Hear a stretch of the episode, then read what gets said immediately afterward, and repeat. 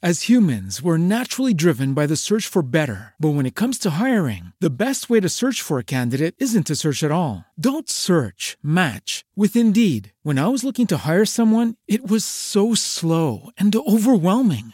I wish I had used Indeed. If you need to hire, you need Indeed. Indeed is your matching and hiring platform with over 350 million global monthly visitors, according to Indeed data, and a matching engine that helps you find quality candidates fast. Ditch the busy work. Use Indeed for scheduling, screening, and messaging so you can connect with candidates faster. And Indeed doesn't just help you hire faster. 93% of employers agree Indeed delivers the highest quality matches compared to other job sites, according to a recent Indeed survey. And listeners of this show will get a $75 sponsored job credit to get your jobs more visibility at Indeed.com slash podcast. That's Indeed.com slash podcast. Terms and conditions apply. With the Lucky Land slots, you can get lucky just about anywhere. This is your captain speaking. Uh, we've got clear runway and the weather's fine, but we're just going to circle up here a while and uh, get lucky. No, no, nothing like that. It's just these cash prizes add up quick. So I suggest you sit back, keep your tray table upright, and start getting lucky. Play for free at LuckyLandSlots.com. Are you feeling lucky? No purchase necessary. Void where prohibited by law. 18 plus terms and conditions apply. See website for details. This episode of Doing It with Mike Sacks is brought to you by Audible. Visit audibletrial.com slash doing it for a free 30-day subscription and a free audiobook of your choice. That's audibletrial.com slash D-O-I-N-I-T. Hey, is that chick from the Ricky Martin video gonna be at the party? I don't know who she is, man, but I'm mean to find out. Let it flow, let it blossom, let it go. In the sun, the rain, the snow. Love is lovely. Let it flow, baby. Matchmaker. Call the most exciting new phone service everyone's talking about. Matchmaker. 1 900 909 Match. You don't have to go out, just pick up the phone. It's easy. I can call right after work any time of the day.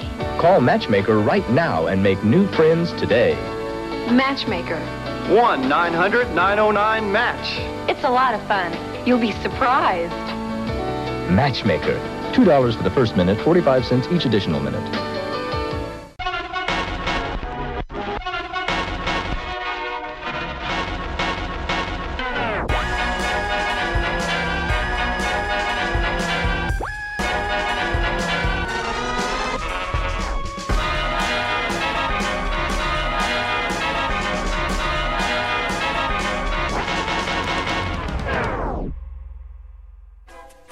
This is it, Doing It with Mike Sacks.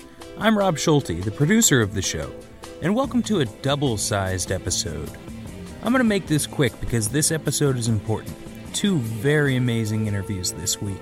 Later on in this episode, we'll be hearing from stand up comedian and writer Mike Drucker. But first, a few days ago, Mike Sacks spoke with Rhea Seehorn from Better Call Saul.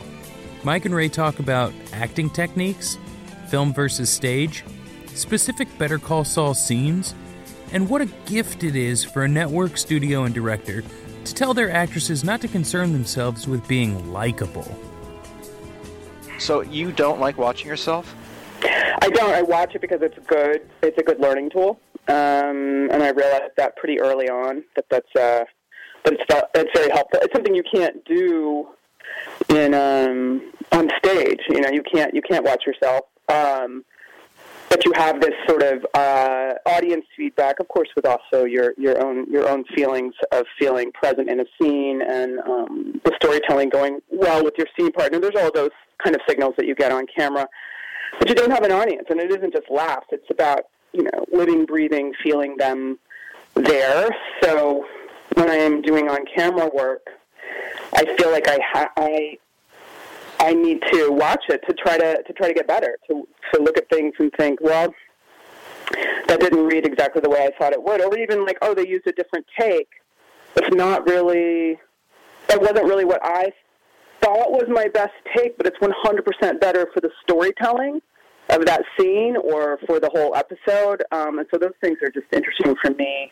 That's really to, um, interesting to watch. Do most actors do that? Look at themselves on screen uh, t- to notice things that they can improve for the next performance? You know, I don't. I don't know. You hear about 50-50 when you talk to actors and stars. Do they watch themselves or don't they watch themselves?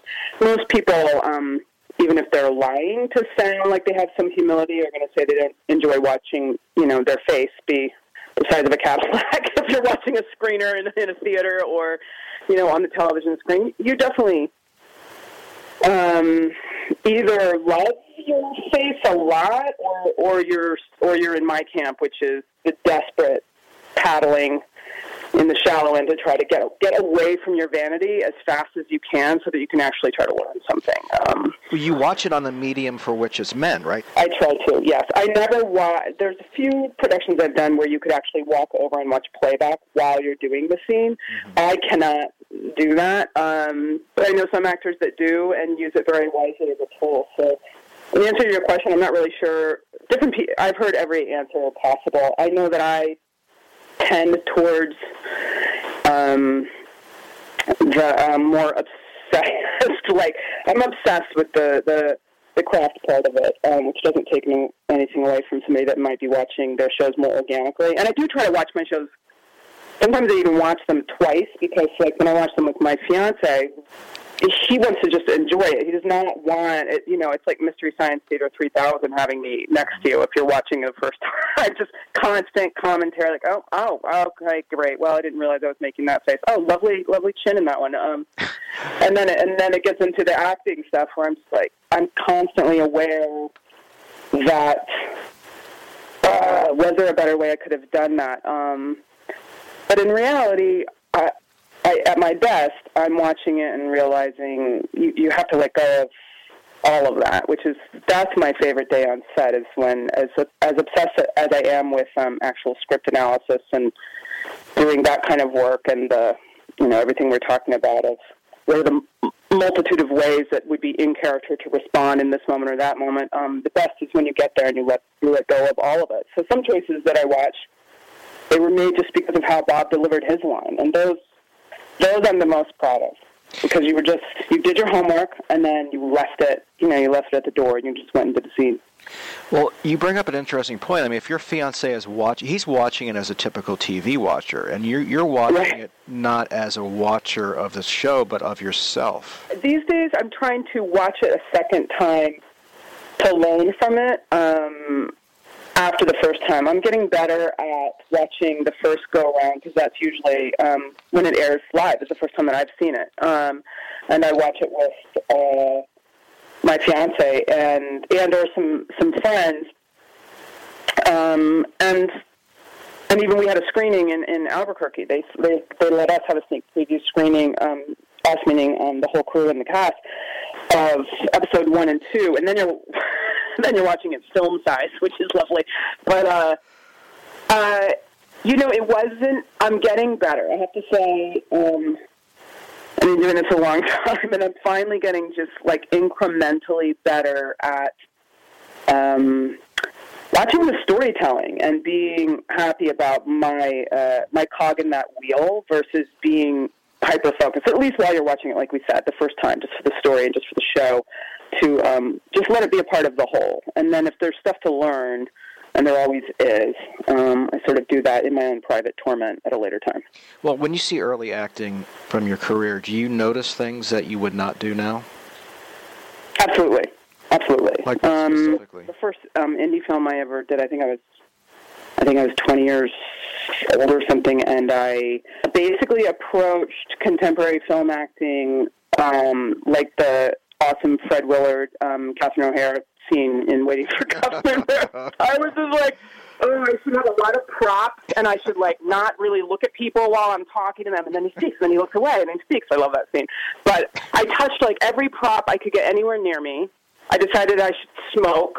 I ate during the scenes. Um, you know, and of course, take two. Here comes, uh, you know, their script supervisor, as they should, and they were like, "Hey, yeah, you, um, you actually uh, started to put the cigarette down on line three, and then you um, picked up a drink, and then I think you were eating chips, and then the cigarette switched to your right hand, and I was like, "Holy shit! I'm in so much trouble." um, and then I didn't touch props for another like decade. I, was, I was like the weird totem pole character and everything. Um, so yeah, there was stuff like that. We were just like, "Oh wow, okay." Um, and because uh, it's very, you know, it's very different than stage, and I was doing theater the whole the whole time as well. But um, you have four to five weeks to be incorporating a prop and having muscle memory with it, and understanding exactly, you know, oh, uh, I'm eventually going to have to put this cup down. I better I better figure out where. So that was there's learning curves like that for sure. Also smoking horribly. I thought, um, oh, I'll just I'll make sure I can inhale and hold it and not cough. But I forgot about the part of people that are smokers do not act like they have wet nails when there's a mm-hmm. cigarette in their hand. You know, you're not holding it out with straight digits and um, and keeping it away from everything. I watched that film. I've seen clips of that film, and it's it's like I won't do anything with that hand with the cigarette, and it just you know it, dri- it drives me nuts watching it. Um, and then there's some you know there's some more um, not subtle, but I guess not um, physicalized things that you you start to realize that uh, the same things on stage. That I, I'm sure if I, I'm sure if there were videotapes of some of my first plays, it would be it would be the same lessons that um, often you know the general stuff that I think applies to writing too. It absolutely does. Um, that's one of the reasons I love to hear from writers writing about others they admire, which aren't necessarily famous writers. But I love to hear about right. actors talking about it too. I remember once seeing an interview with Robert Duvall, and he was asked what his favorite performance was, and he mentioned this really small performance in a movie called Running on Empty. And it was the mm. the role played by Steven Hill, who played the father of the wife who was on the run, and they, he met with his daughter in a restaurant, and Bob Costas asked him, Well, what was it about that specific scene? He said, I don't even know if I could tell you. It was just something he right. did and didn't do that you wouldn't even know unless you've acted for 30 years. Interesting. And yet I would, I would, I'm not recalling that specific scene or role right this second, but I would, I would bet that the audience was affected, even though they might not be able to break down why. Um, yeah um, but you're right. I think that there's a lot of crossover. Most of my friends in, in the entertainment business actually are um, writers in any other category of people in entertainment. And I think some of that was coming from new play development and constantly developing new work with playwrights. Um, and then later, um, script development stuff. And I think that there's so many, so many crossovers. Um, and it does have to do with um, not well, first of all, assuming the intelligence of your reader or your viewer, and um, don't you don't need to tell people how to feel or how to how to think, um, and to write uh, to write economically. Um, and one of my favorite scenes that I've ever done is the um, the the first time you see. Well, that's not true. You, in season one, in the pilot, you do see Jimmy come into the conference room and do that awesome Ned Beatty, right? You will atone speech. But um, but the first time you really see us together is that parking garage scene, and I think it's right. one sentence divided in half between the two of us that they told us that we were to imply a 10 year relationship that at that point had not been defined. And it wasn't to manipulate the audience, and it wasn't to manipulate the actors. It was that Vince and Peter and, um, and our whole writer's room, they, they were not cementing in yet exactly what this relationship was. And there was a certain amount of mystery to it, but there was just all these great things like that weren't even said, um, in, including that uh, Kim, on her way out, and you can see it in the in the background, barely, she picks up the trash can and straightens the lid that he kicks every time he comes there, which instantly tells the audience he's done this a million times. and there's some level of both looking out for your friend and caretaking yeah. um, and, a, and a history with these two people um, that also has boundaries um, because she says, he says, couldn't you just? And she says, you know, I can't. Which says everything. So does the, uh, the stage direction in it that um, he takes a cigarette out of her mouth and smokes it and then puts it back. Um, it was just, Nothing else needed to be said in that scene. There's no fat on that scene. It's about telling the best story possible. You have to give up some control. It's certainly in comedy. Um, I guess my own personal taste in comedy is usually um, off the line instead of the joke that's on the line. And well, tell that's about mostly that. What does that mean? like if there's an inherent punchline in in a line, I'll sometimes prefer to uh, make it about the moment that's afterwards, the character's point of view on that, or or my team partner's point of view to say to say the line utterly sincerely rather than play that my character's aware of the reversal um, in a joke, and so then the joke, the laugh, as it were, is actually off off the line. It's not on the line. Um, That's because really it's not it's not about but um bump. When you do that though, it is entirely entirely in the editor's hands to get that that's the timing that you just did, and for them to actually similarly find it comedic. Because as soon as you cut the pause, if you look at something like The Office and you thought about it and you thought if that editor cut the pauses out, their jokes are rarely on the line. It's about the reaction to the line. And so if you were to cut all those pauses, as you often need to, because you only get, what, 21 minutes these days for a sitcom, um, then the actor actually looks like they don't know how to deliver the line comedically. Wow. Which is hard. So that's a vulnerable position to be in. I mean, it's almost like you're a bop jazz musician playing off the melody. it's it's hard. I've seen other shows that I've done where I'm just like, wow, it really looks like I didn't know that that line was supposed to be comedic, but it, I did, but the pause got cut. It almost reminds me of getting a really good, simple meal from a chef that's not smothered in gravy, which you know the ingredients are really pure and good, and it's no cheapness, like you said, and it's just presenting to the audience what they hope and, and assume that they'll appreciate. Yeah, I mean, thank you. I, I, I, I feel the same way. There's just no, they don't, um, yeah, they don't smother stuff with sauce. But that also comes to your intelligence and Bob's intelligence. I mean, for you to work within the lines, outside the lines, I mean, that takes a special type of artistic mindset.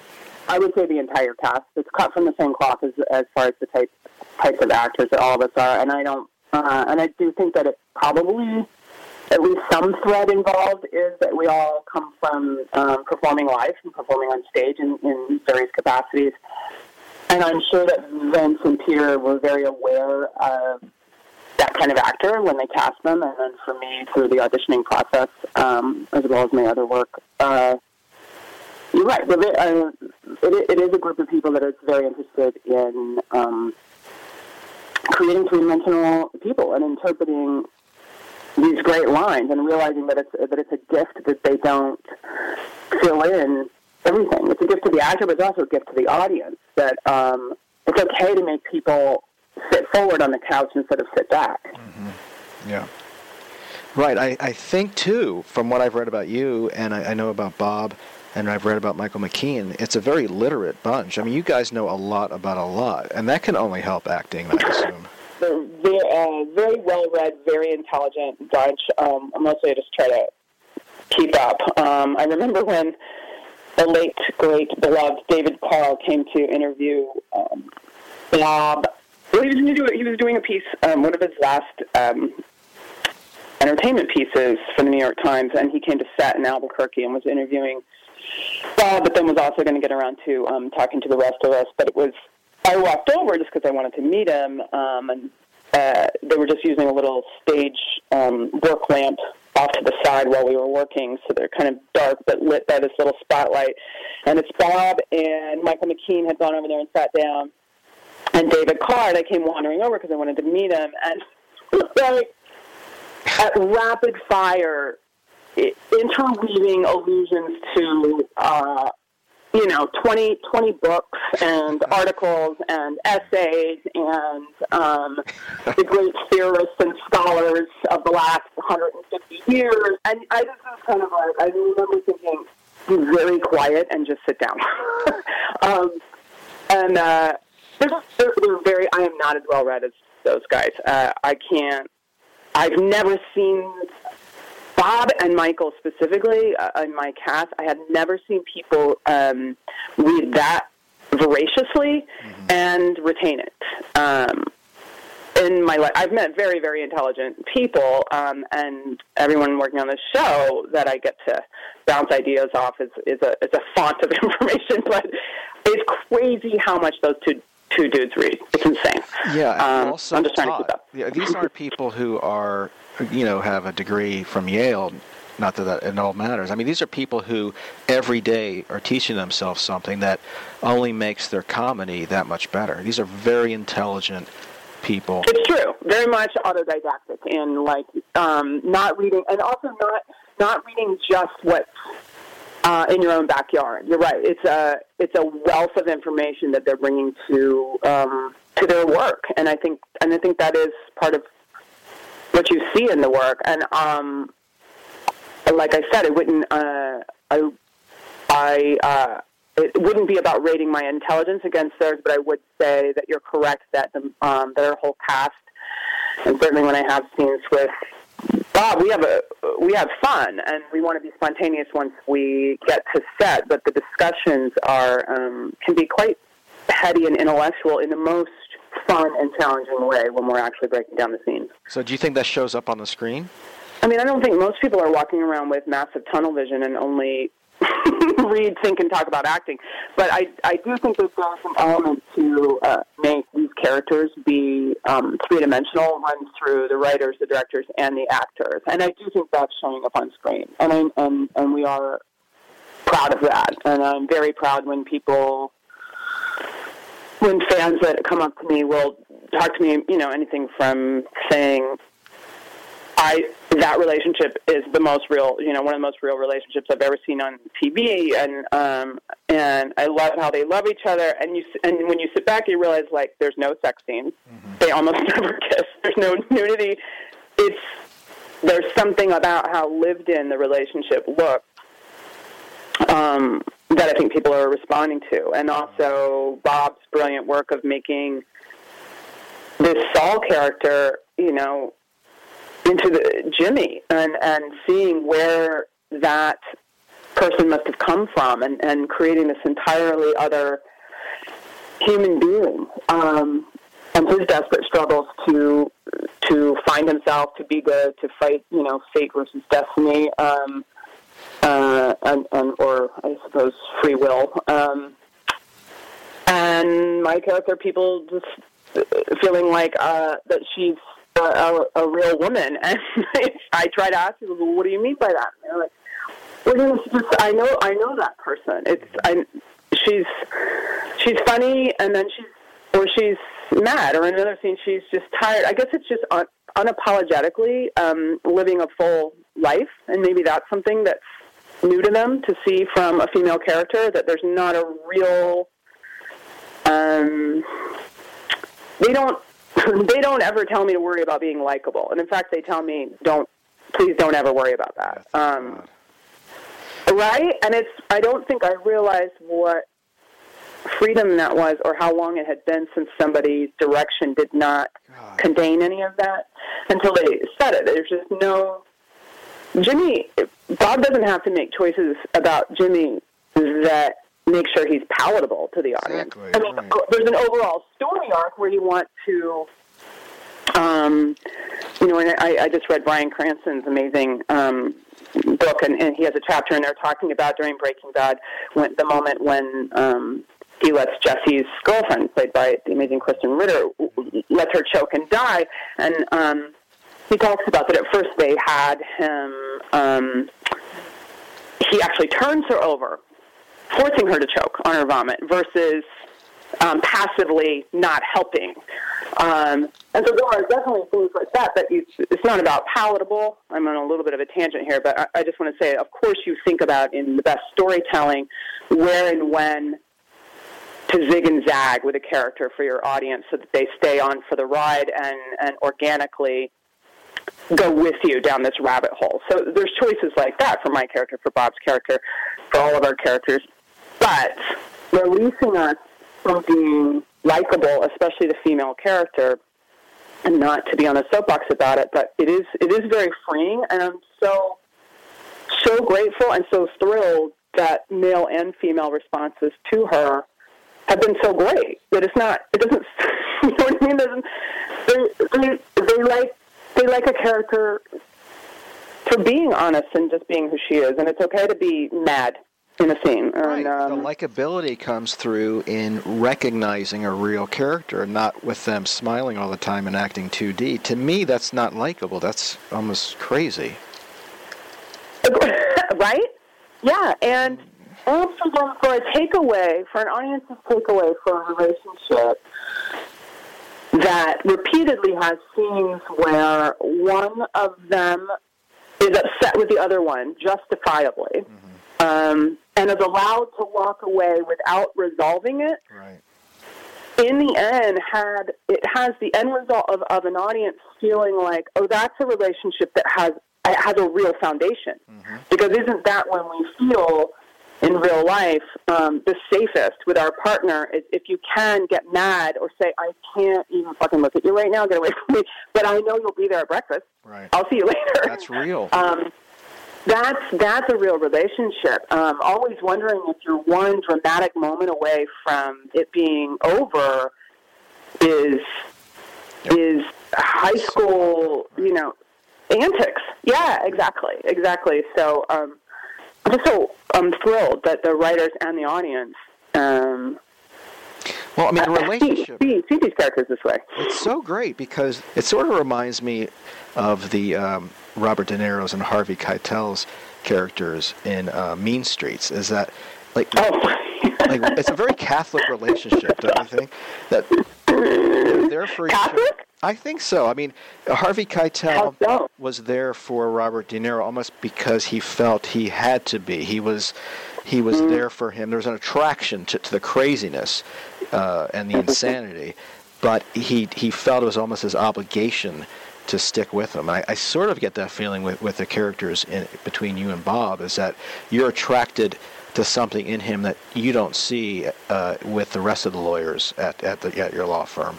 One thing that rings true to me for Kim, and then also um, I find really cool um, as a literary device, is that Kim is often the audience's point of view about why we love Saul, even when he's at its worst. It's because deep down you have to admire the artistry with which he does what he does, um, and also that in a world of duplicitous people who are claiming righteousness um, That's right.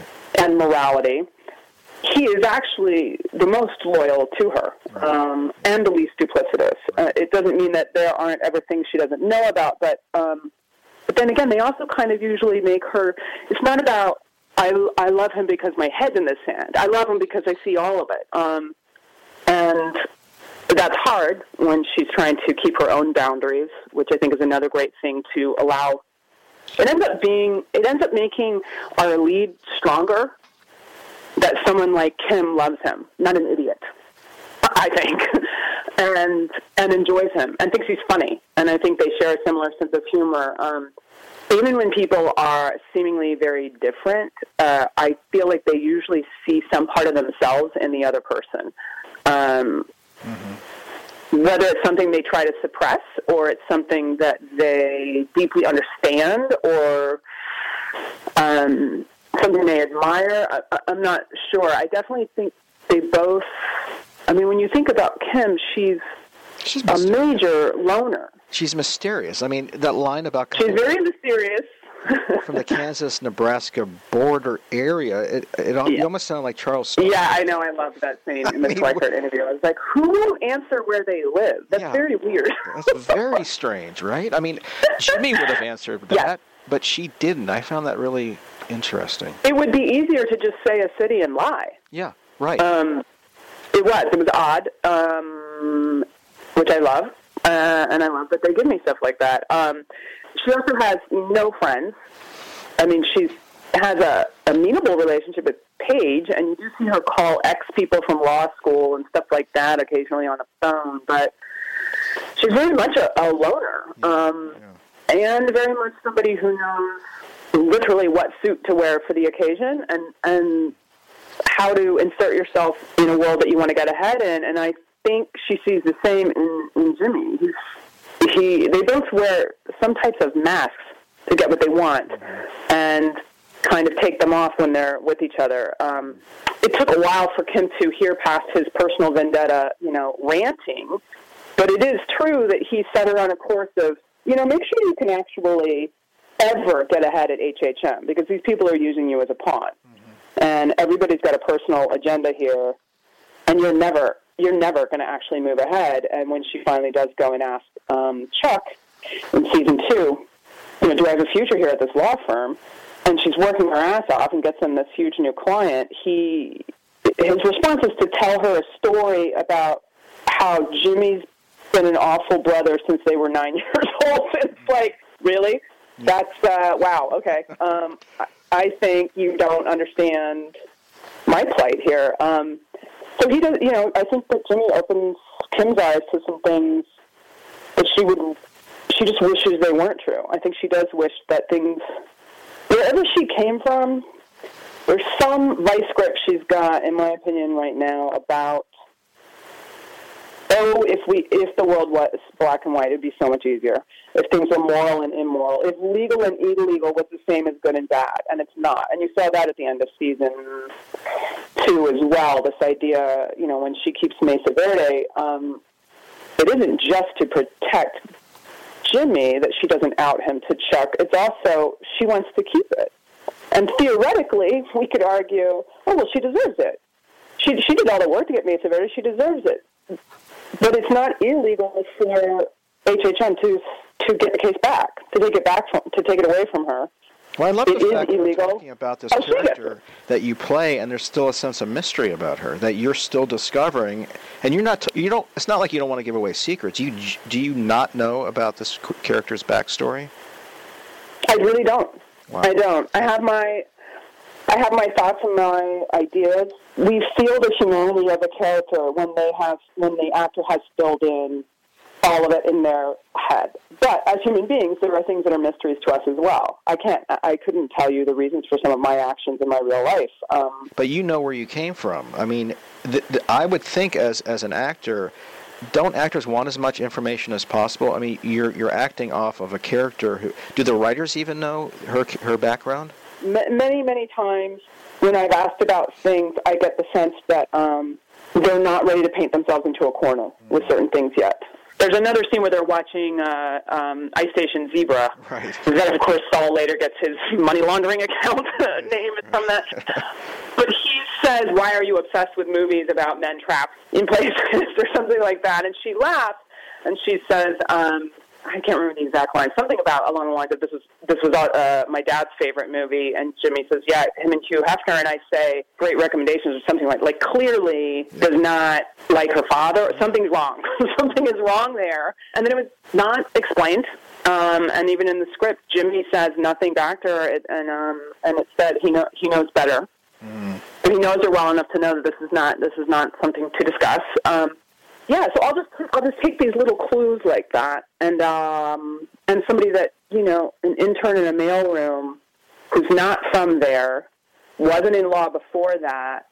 You know, you start doing your math backwards. What would lead somebody to do that? Why why the desperate need to um, get ahead and a severe moral need to to not be found in the wrong, which, as we know, is now you know crumbling when she decided to keep Mesa Verde. But the, I have to pay back the HHM loan. I can't leave um, the company if I owe them something. Not really having any friends, even when they do the you know the set decoration and stuff. Um, I can go to them and they're so amazing. Everybody that works on the show, and I'll tell them, you know, I don't think I don't think she would have any personal photos anywhere, and definitely not in her office. Um, this is not someone who I don't even want to talk about my dad to Jimmy, who is the closest person to me. I can't imagine I want somebody to walk into my office and say, "Oh, is that your sister? Oh, is that spring break?" um, So there's never you'll never see you know personal photos in in uh, in her environment, and um, That's so true. I like that. So I guess I just end up doing the math backwards about why is this person this way. I love the game within a game of all industries, and to hear you talk about how you approach characters is so interesting. The fact that, that you're thinking in the, in those degrees and, and you're moving down the road, uh, perhaps even going to meet with what the writers are envisioning, I think is just an amazing thing. uh, the scripts are absolutely beautifully written with massive tonal passages um, describing to you the world and um, setting the narrative. And yet somehow there's a tremendous amount of freedom once you get there to interpret it. But um, it, so it never feels like willy nilly. This is not like oh, and obviously anybody that knows Vince and Peter's work um, knows that. So I don't I don't know how to describe it. I did a scene in season I, forgive me. I don't know. I think it's season one. Jimmy calls me at the office. I'm still in my regular office, not in doc review, back at HHM, and uh, it's the first time that probably season one. It's the first time that Chuck has agreed to work with Jimmy on a case, and Jimmy's very excited, and he's at Chuck's house and Chuck offers to help him. It's the first time when Schweikart comes there as well. I believe it's the Sandpiper case. And Jimmy calls me at the office late at night and wants to know if I can look some stuff up on the Westlaw terminal for him and print it out. And I'm fine with it, although I'm tired. Um, I tell him, yeah, hurry up, what is it? And it, he reveals that he's very excited that he's going to be doing this with his brother. And isn't that great? They're going to be you know, it's great for their relationship. It's also great that Chuck would be practicing law again, and it's a win-win. And isn't this awesome? And in the scene, it just Kim pauses, and then says, um, "I can't uh, print it without um, a, a printer code, so I'm not going to be able to do that." And I had these like really weird reasons to not just do it, or to not just say that's awesome. And he then says. Uh, you know, he goes and gets his brother's printer code, and so I print that, and I'm like, well, or I mean, I write that down, and I, I just keep asking him questions like, well, are you sure he's well enough? And he's like, yeah, he's great, he's great.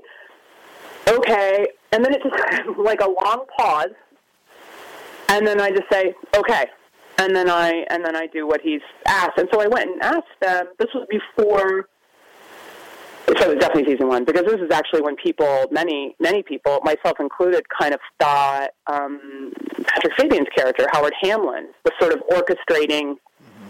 keeping Jimmy out of HHM and, and, and was the thorn in his side.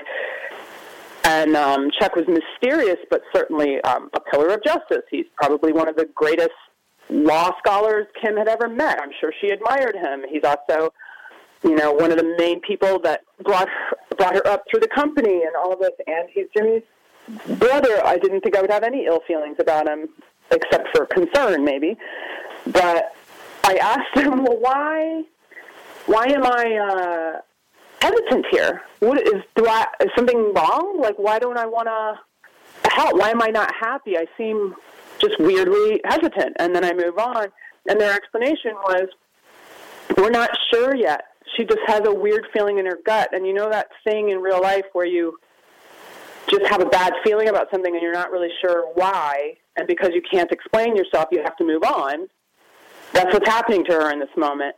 And I think they were piecing together and playing out different, and um, they've spoken to the fact that they weren't, they, they did not know the path they were going down with Chuck until they, until they started seeing Michael McKean playing it, and um, and it altered the way they felt about Chuck, um, not being a victim, but being an orchestrator and, to some degree. And in that moment, I think they were piecing together what is it, and my character played that. My character played that moment of like, I just have a weird feeling about this guy that he's somehow more um, malignant and conscious of wrongdoing, and there's something, and it's just a flip for a second, and then it's gone, and I can't articulate myself, so I have to agree to help, and we move on.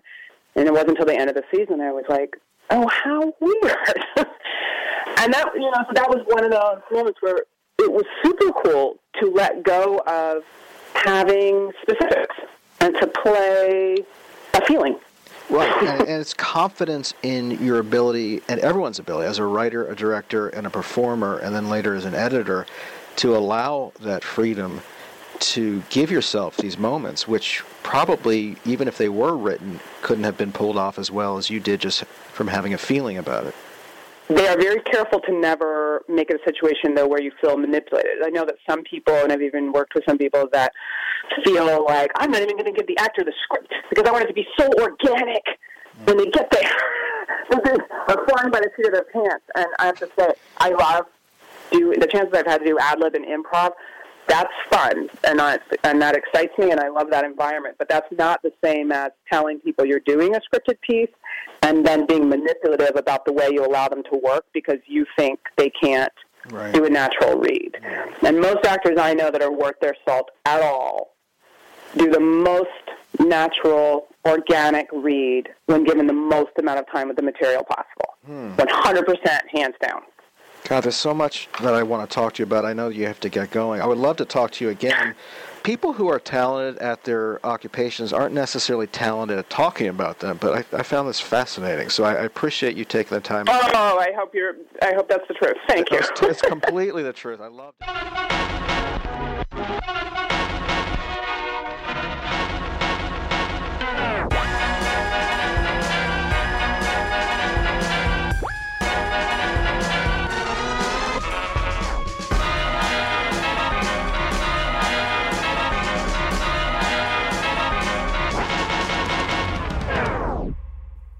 Next up, we have an interview with Mike Drucker, conducted by friend of the show Ian Goldstein. Mike Drucker's been performing comedy since college. He's written for outlets like The Onion, McSweeney's, Nintendo, and Saturday Night Live. Recently, he left his staff writer position at The Tonight Show to become the co head writer of the new Netflix series Bill Nye Saves the World. You were on the Tonight Show, or I guess you were on late night, then the Tonight Show for was it three years? Uh, about three and a half years, yeah. How has that been so far in terms of just a, ch- a change in occupation? Um, it's much more terrifying when you don't have a regular paycheck. You know, the cool thing about late night shows is that you're getting paid 52 weeks a year. You know, even when you're not working, when you're on a hiatus week, you get paid, and then you get a residual for being there. And that's a really hard thing to leave. You know, but the the other part of a late night show that's a daily show is that you're working every day. And you're working every day and you have to make a show every day and you know, I really like the experience. I love writing monologue jokes. I like writing sketches. I think it's really fun to comment on the news. It's really entertaining to me to like, you know, break down what just happened or like when something when something immediately happens like there's a huge news story to be like, "Oh, I'm going to write something about that that's going to be on television tonight." That's awesome. The hmm. downside of it is is that you have no choice. Your entire life is controlled by the news. Tiresome to write about anything after a while. You know, I, I would get tired of writing about the Super Bowl after you know, three months of talking about who would be in the Super Bowl and what's going to happen and like how many snacks they eat yearly at the Super Bowl. And those are all things you have to do. That's part of the job of late night writing. You entered kind of the new phase of the late night arena because you know Carson to Letterman to Conan. I was wondering what that was like for you in, ter- in terms of being a comedy writer. There was never, we were never talked to about ratings. Um, and this was even back at late night when we were, you know, sort of equal in the ratings with like Craig Ferguson or doing a little better, you know. You know, there was never like a like a okay guys, you know, stop pitching these ideas. This is about ratings. This is what this is what sells, you know, shampoo in the commercials. There's never been a conversation like that. Whether or not there's been a conversation like that at higher levels, I don't know. You know, I do think that there's a lot of like and I don't speak for the show since I'm not there anymore, but I think the show is happy that it's doing well in the ratings.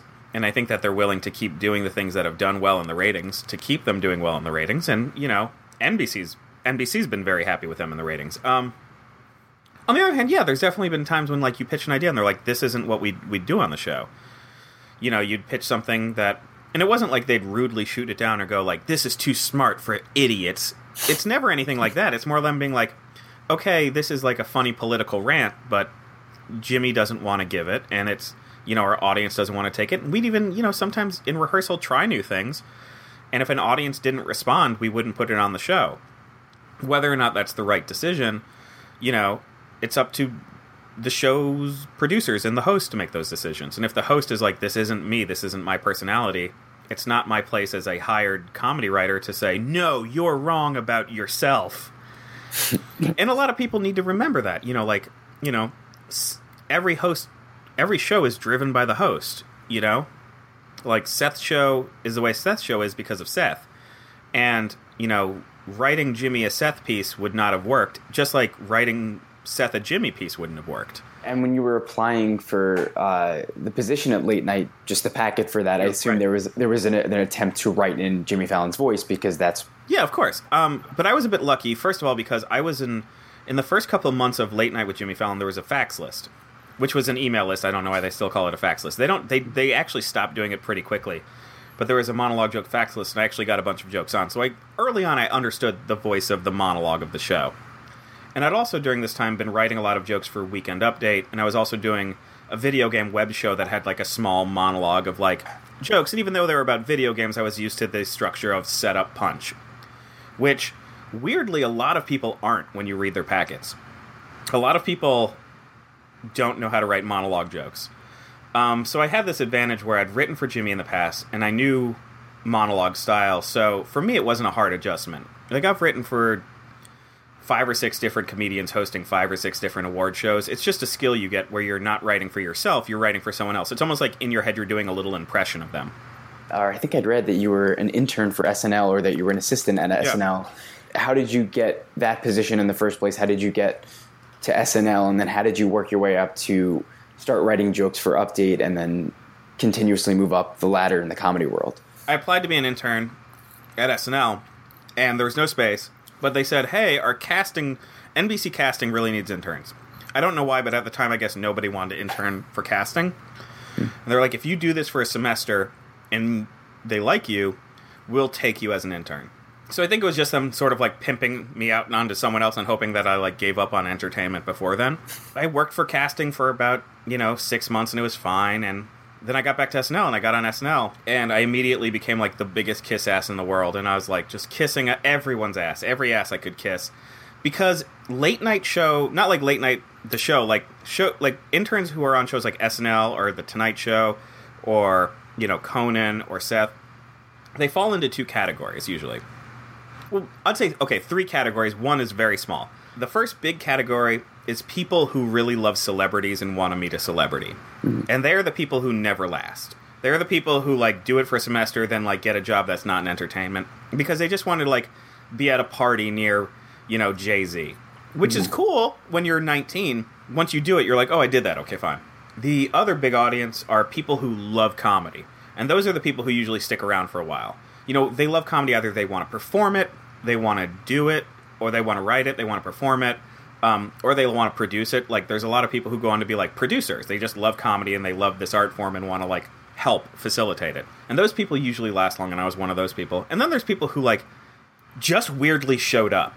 Like there's there's a weird group of interns who it's like it's like oh do you want to work in TV and they're like not really I just got this internship like do you like comedy and they're like not really do you care about celebrities and they're like no and they're like why are you here like they're not bad people but it's like you're like how did you end up with a prestigious internship that you don't care about?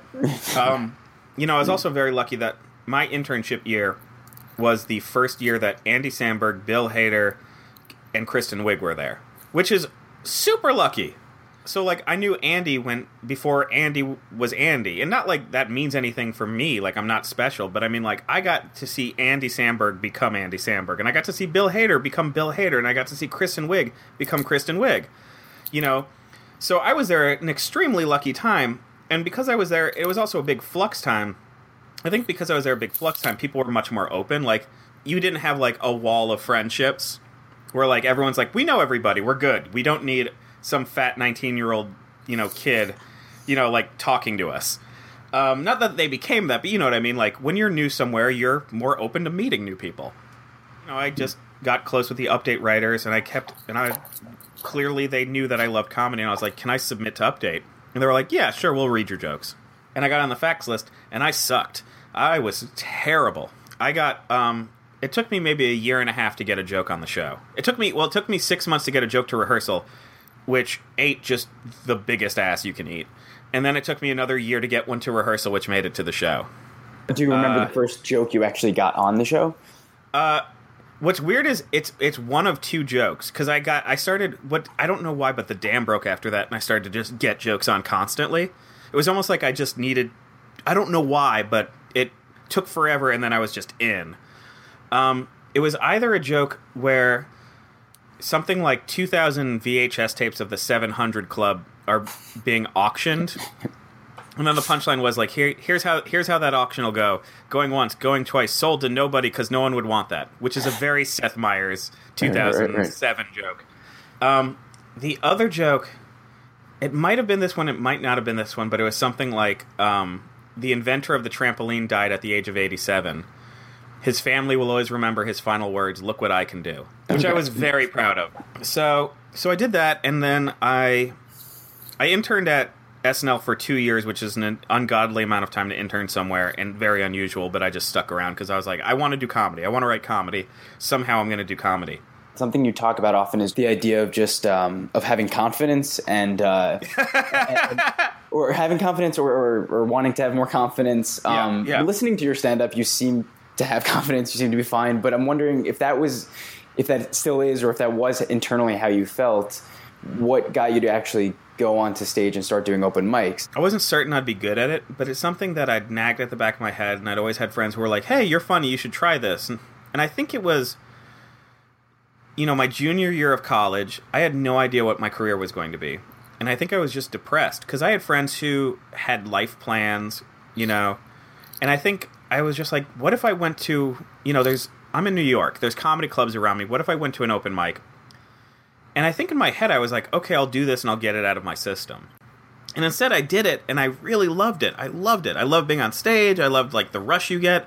You know, I loved feeling like I was doing something special. I lack confidence, but my confidence, you know, my self esteem issues, which are deep and very real, but they're not like they're self-esteem issues but they're not like me not thinking i'd be good enough to do stand-up. It's not like like when people say their greatest fear is doing stand-up i'm like i don't i don't see why. I mean it's scary and i still get nervous but i mean it's you know it's no different than doing any presentation. Like let me back up. If you told me i had to do a 30 minute comedy set i'd be like okay fine yeah sure. If you told me i had to do a 30 minute presentation i would shit my pants. Like I, I have no idea how i'd do that. A presentation requires a sort of seriousness. Even if there's jokes in there, you have to convey real information. You have to keep all your points straight. Like, if you forget a point, you can't make up a story on the spot that gets you to another point. You know, I think what I like about stand up and live performing is that there's a lot of room for improvising. You can play off a moment in the room. You know, if something suddenly goes wrong, you can make it your own and really have fun with it. Whereas with a presentation, like, you know, if somebody's drunk and like rushes the stage, you you've lost everything. you, right. You've totally lost. Did you have something like that with with hecklers though, where hecklers would you know uh, call out to you during a performance and you didn't know how to deal with it initially? Every so often, yeah. I'm not someone who I'm not an abrasive comedian, so I'm not somebody who like you know makes some guy try to man up against me. Like no no audience member on a date has ever thought, "Oh, my girlfriend wants to sleep with this guy."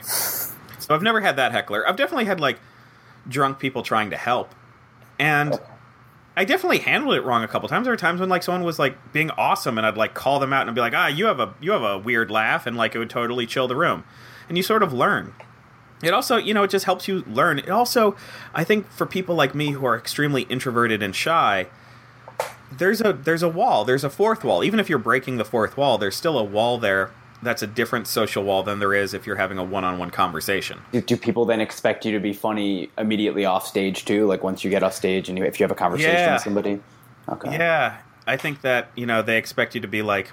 There have been times when I've definitely like, impressed a woman on stage and like been like, oh, this guy's fun and he's charming, he knows what he's doing, and right off stage, I have had no idea what to say. you know what I mean? Like in the moment, like on stage, you give me information, I respond right back. You're like, oh my god, that's such a great response. You thought of it right there. And then someone could be like, hi, I thought that was really funny. And I'd be like, oh, oh, I mean, I'm thank, uh, okay, like, uh, well, I hope, um, I'm glad you came. I hope it wasn't too expensive. Like, I'll throw out things that, why am I even bringing up how expensive it was? Like, I'll have no idea how to handle that. You think something clicks on stage where you're, you're something in your mind tells you you're performing and a sense of alertness comes up, and off stage it's not like that? Obviously there's consequences to what you say on stage, but it's it's a different type of consequence. There's not the consequence of someone being socially awkward or you feeling like you've you know made someone uncomfortable and they want to leave the room. I mean, you can do that on stage. It's just the consequences feel different, so you can free fall a little better. And and and that's the thing. You you said you still get nervous going on stage. Is that is that something that you think would ever subside, or that's something that you like at this point you see just staying with you? I, I see it staying with me. Also, I, I have natural hand tremors. Um, it's just a, it's not like a disability. It's just a thing I have. But people my whole comedy career have been like, "Oh my god, you look so nervous." I'm like, "No, my hands shake." Like I'll be off stage, I'll be holding a, a beer, and my hand will be shaking this the same it held a microphone. And people are like, "Are you okay?" And I'm like, "Yeah, this is me at at fine. I'm at a level five. I'm good." But I'll always be nervous because it means I care. I feel like I do better when I'm really nervous than I do when I'm like, ah, "I got this." You were developing obviously your the open mics and everything in college. Were you aiming to do this at all in high school? Like I think you mentioned potentially doing like computer programming. Yeah, I wanted. do- I wanted to work Yeah. in video games. I wanted to make video games. Um, I did when I was in when I was seven. We had to go to like summer day camp. You know, when it's like it's just they babysit kids while your parents are at work. Right. right. And they had a talent show, and I did stand up, uh, like at age seven or eight, and I they booed me. So I think I knew that I always wanted to do stand up, but I think and it wasn't traumatic, it at all. It wasn't traumatic in any bad way. It was almost more like me being like, "Oh, I can't do this." Like, thank you for the information you provided me. I will now not do this. Um, I was like that with karate. I took karate classes, and they were like, "You're very bad at this. You have to improve." And I was like, "No, I think I'm gonna not do this anymore. I think you have given me what I need to know, and I appreciate it." So I always really like comedy, and I think you know, obviously, I tried it when I was a little kid, so it was clearly always in my head. But you know, I also love video games, and I was like, I'm gonna make video games. That's that's more likely. You know, if you ask someone what's more likely, becoming a professional comedian and comedy writer or a computer programmer, you know, everyone's gonna say computer programmer. So it wasn't like a dream died. It was like, oh, focus on this dis- uh, different dream, which is more realistic. The problem was, is I sucked at computer programming. the computer programming was a less realistic dream. Computer programming is like doing comedy, except you're only told when something's not funny. You know, you're Right. only told when the program doesn't work. You know, there's never a. I mean, you know, the, when the program works, well, that's what it was supposed to do. There's no positive feedback. It's just okay, it didn't not fail. you were just hired as the uh, head writer at, at the new at the show Bill Nye is doing for Netflix. Can you go into that at all about um, how that happened? towards the beginning of this year of 2016 uh, like i said i was starting to get burnt out talking about the election and i just started to say hey listen to my agents. I was like hey if i don't want to desperately leave. I'm not trying to flip the table over and go some you know like rage quit. But if you hear about something that you think would be a good fit for me and would be a higher position i would be very interested in that. And you know so they were you know asking around and like you know there were offers but again like i liked working at the tonight show. I had a good time. I still have friends there so it, i wasn't anxious to leave. I just wanted to i was like i think i'm ready for the next step and eventually bill nye came along and they were like hey they are interested in you. And i was like yeah that sounds cool. I mean i, I guess i could be a writer there. And they're like no they want you to be head writer. And i was like okay let's interview for that and see how that goes. Because that's a lot of pressure. And so I interviewed and I like put in the it was a Skype interview because they're in LA where we are now and I was in New York and like I put all this like science stuff behind me but tried to like make it subtle to seem like I just naturally had a bunch of science stuff on my shelves. You literally put it behind you I during literally put it behind me so they could be like, "Oh, you have that on your." I'm like, "I know. I have a beaker. I mean, it's crazy. I love science." and so we did that, and you know, they looked at you know a bunch of writing samples my agents had sent them, and we did a couple interviews, and I got the job. And then I left Fallon and I moved out here, which was crazy. What general ideas are you trying to do? Just sketches and and uh, sketches, general outlines for the show, you know, different bits that we'll do, things that could recur or not. You know, a lot of it's just having meetings about like even what shape we want the show to be in, which is the scary thing. You know, every show I've worked on in the past, whether as a freelancer or an employee or a writer, was an established show that knew what it was doing. And our show, you know, when you start a new show, not that nobody knows what they're doing, but they're like, okay, what is this? The, you know, nobody has the exact idea of what a new show will be in their heads. You know, how how will it look? Can we do a sketch in this area? Do we have stage space? How many audience members will we have? You just don't know. And every one of those details, you realize when you're a head writer, you're like, oh, every one of these details matters. How many cameras we have suddenly matters. It's it's it's crazy and it's super stressful, but it's also a lot of fun and it feels like you're part of something very special. Are there are there any templates that you can look at for other shows of oh we can we can kind of emulate what what this show did or what this show did? Sure, yeah. Like, like I mean, all of us, you know, a bunch of us, especially on the comedy side, all have TV experience. So, and a lot of the science side, they have TV experience from science shows, not necessarily comedy, but they still, you know, they understand. Um, there's like, yeah, we like how this show did this, or this show did this, and let's not do it that way. Or, you know, even oh, this show already did that. We can't just repeat this. So you definitely look at other shows for models and how to do it. At the same time, you don't want to just copy another show because then you become, you know, like like I love Samantha Bee's show. I think it's you know one of the best, if not the best, talk show on television right now. But I would never say, hey, let's do what she's doing, but for science, because then we'd just be like, oh, they're just doing what she's doing, but for science. So you have to pick and choose what you like, but also be like, we can't if we can't just do the same show, we have to do a different show our own way. So this is also your first experience as, as a head writer on, on a show like this. How has that been being in this position as opposed to just like a staff writer on another show? Real scary. Real scary. It's hard because you have to look at the big picture. I'm sure that I've forgotten things at times that cause someone an inconvenience. You know, when you're a staff writer, you may have to produce a piece, but you only have to produce your piece. You have to make sure that your piece is together. Somebody else will make sure that it fits somewhere. Somebody else really like tells you when it's due. And those are all things that are my job now. Like you know i have to tell writers no which is hard. I've never had to do that. You know what i mean? I've never had to professionally say no my decision is no.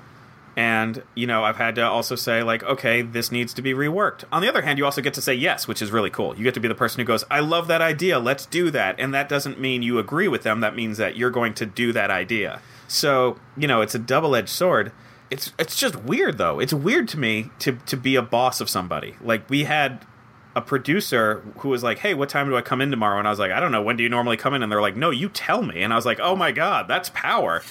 like I don't know what to do with this. But really, you know, I manage a spreadsheet and make sure that everything's fitting into place and that we have enough of what we need and we don't overdo one type of thing, and just try to make the show flow it's terrifying. It's really scary. is my answer is it's really scary, but I, I I'm having fun and it's cool to be able to like I don't know, it's cool to be in it's cool to be in charge and feel like you're helping people make something better. Is there something that you do recommend for people who are starting from from nothing, you know, and trying to get into the comedy world? You're not going to you're not going to break your career on Twitter. You're not going to break your career probably on Vine anymore. A lot of these things are now past. At the same time, they're all good business cards to have. You know, when someone hires you, for comedy jobs now, they go through, they're like, okay, are they good on Twitter? Okay, I'll read a couple of these jokes. So it's not going to get you broken where someone's like, oh my God, we got to make a, this guy famous. I don't know why I gave him an Italian accent. what they say is, you know, like, okay, we're thinking of hiring this person. Do they have other sources I can look at very easily on my phone? Oh, they do. Oh, they are funny. We'll hire them. That's what that's how it is now. So I definitely recommend Twitter, Instagram, Snapchat, Vine, you know, whatever the hell the other thing I'd recommend, which I actually just realized yesterday when I was recording my podcast, How to Be a Person, is one of the things you have to do is without being cliquey, you have to help other people who are starting up. Most people, including myself, when you start, you look upwards. You're like, please help me. You are above me. Please help me. And you'll get help that way. You'll impress people who are above you, so you do want to always impress the people above you but there's also people on your level who are going to be movie stars. And it's so much easier to spend the first couple years of your career looking up at the people who are already are movie stars and not realize, oh, if I write with this person, he's going to get a movie and hire me to be a writer on it. You know what I mean? It's very easy to lose sight of the fact that there are other people starting who are also very talented, and if you work together, you're going to have working partnerships for years you want to go to co- live comedy shows and go to UCB and watch shows with people who are better than you. But at the same time, when you have a friend who's like, "Hey, let's write a sketch," don't be like, "Nah, you're not in my league." Because it's very easy to do that. It's also very easy to think that it's an immediate competition, and it's not. Yes, eventually we will all go out for writing jobs and acting projects and stand up slots that they only have a couple slots for and they don't have enough, you know, there's too many people at the same time, when you start out treating it like it's a competition, you make no friends and it sets you back. Like, make friends. Don't be cliquey. Make friends. Be nice to everybody. If you're someone by yourself writing and pitching to, you know, places like McSweeney's and the New yeah. Yorker, um, I guess I guess the goal would be to not lock yourself in your room. Then is is to, is to probably go out and perform as well. As much as people like me would like writing to be the solitude activity, a lot of my writing work has come from other writers I know. Go meet writers. Try to get drinks with an editor sometime. Get to understand what other people are reading and what other people are writing. You don't know who is writing something that you're writing at the same time, and you have to, you know, maybe you could work together on that. Meet people. Meet people and go outside. And also, like you said, do as many forms of comedy as you can and figure out which one you're best at because there's a good chance you're not best at the thing that you're going to be best at. That's it for today's episode of Doing It with Mike Sacks. If you liked it, please leave us a rating and review on iTunes. And if you really liked it, check out our Patreon page, get yourself a gift, and help us out at the same time. Thanks to Mike Sacks for making this podcast happen. He's got a new book coming out next month called Stinker Lets Loose. You can pre order it now off Amazon, so search for it or find the link on Mike's Twitter page, Michael B. Sacks. Thanks to Sam Peach for the artwork, and thanks to Ian Goldstein for conducting today's second interview. And while I'm at it, thank you to Rhea Seehorn and Mike Drucker for taking the time to speak with us here at Doing It with Mike Sacks. I'm Rob Schulte, and you can find out more about me and my work at my website, robkschulte.com. That's R O B, the letter K, S C H U L T E.com. We'll see you in a couple of weeks.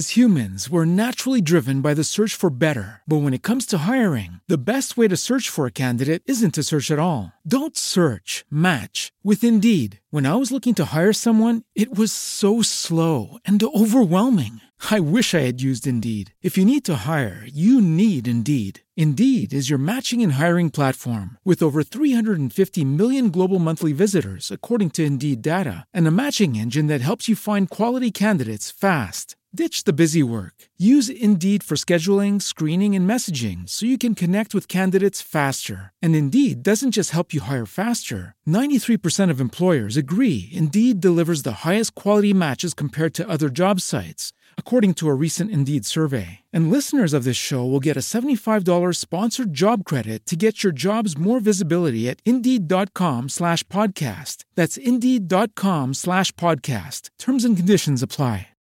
With Lucky Land slots, you can get lucky just about anywhere. Dearly beloved, we are gathered here today to. Has anyone seen the bride and groom? Sorry, sorry, we're here. We were getting lucky in the limo and we lost track of time. No, Lucky Land Casino, with cash prizes that add up quicker than a guest registry. In that case, I pronounce you lucky.